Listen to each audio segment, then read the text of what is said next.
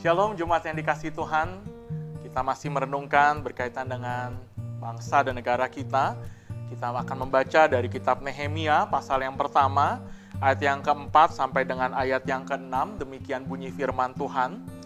Ketika ku dengar berita ini, duduklah aku menangis dan berkabung selama beberapa hari.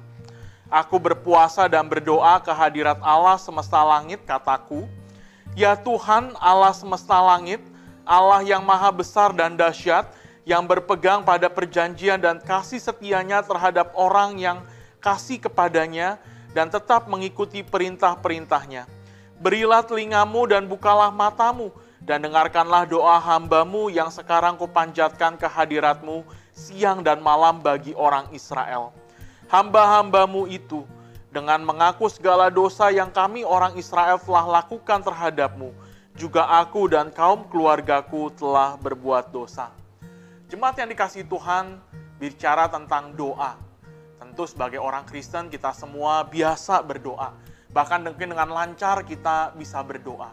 Tetapi apakah isi dari doa-doa kita? Kebanyakan dari kita kita berdoa memfokuskan diri untuk berdoa bagi kebutuhan diri sendiri, bagi pergumulan diri atau bahkan mungkin hanya bagi keluarga kita. Berapa sering di antara kita berdoa untuk orang-orang di sekitar kita, masyarakat, bagi bangsa dan negara kita dan juga bagi gereja kita. Kalau kita baca di dalam bagian firman Tuhan yang kita baca tadi, kita mendengar doa dari Nabi Nehemia untuk bangsanya. Padahal kalau kita mau lihat Nabi Nehemia berada pada saat itu berada jauh dari bangsa Israel. Dia ada di pembuangan di Babel.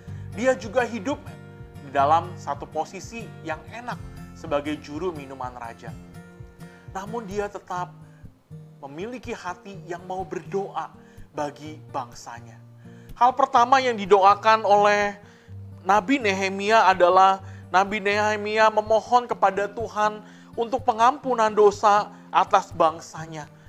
Pengampunan adalah awal dari pemulihan. Berapa sering dari dari antara kita yang berdoa bagi dosa dan juga pengampunan bagi bangsa Indonesia ini. Kita rindu Indonesia dipulihkan.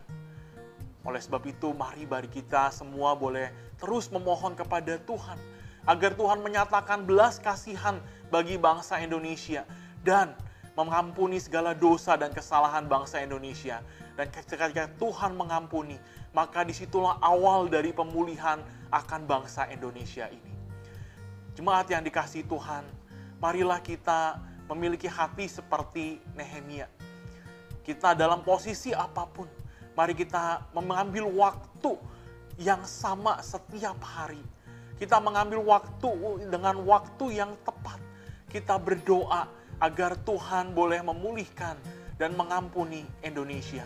Sehingga bukan tidak mungkin Indonesia boleh percaya kepada Tuhan.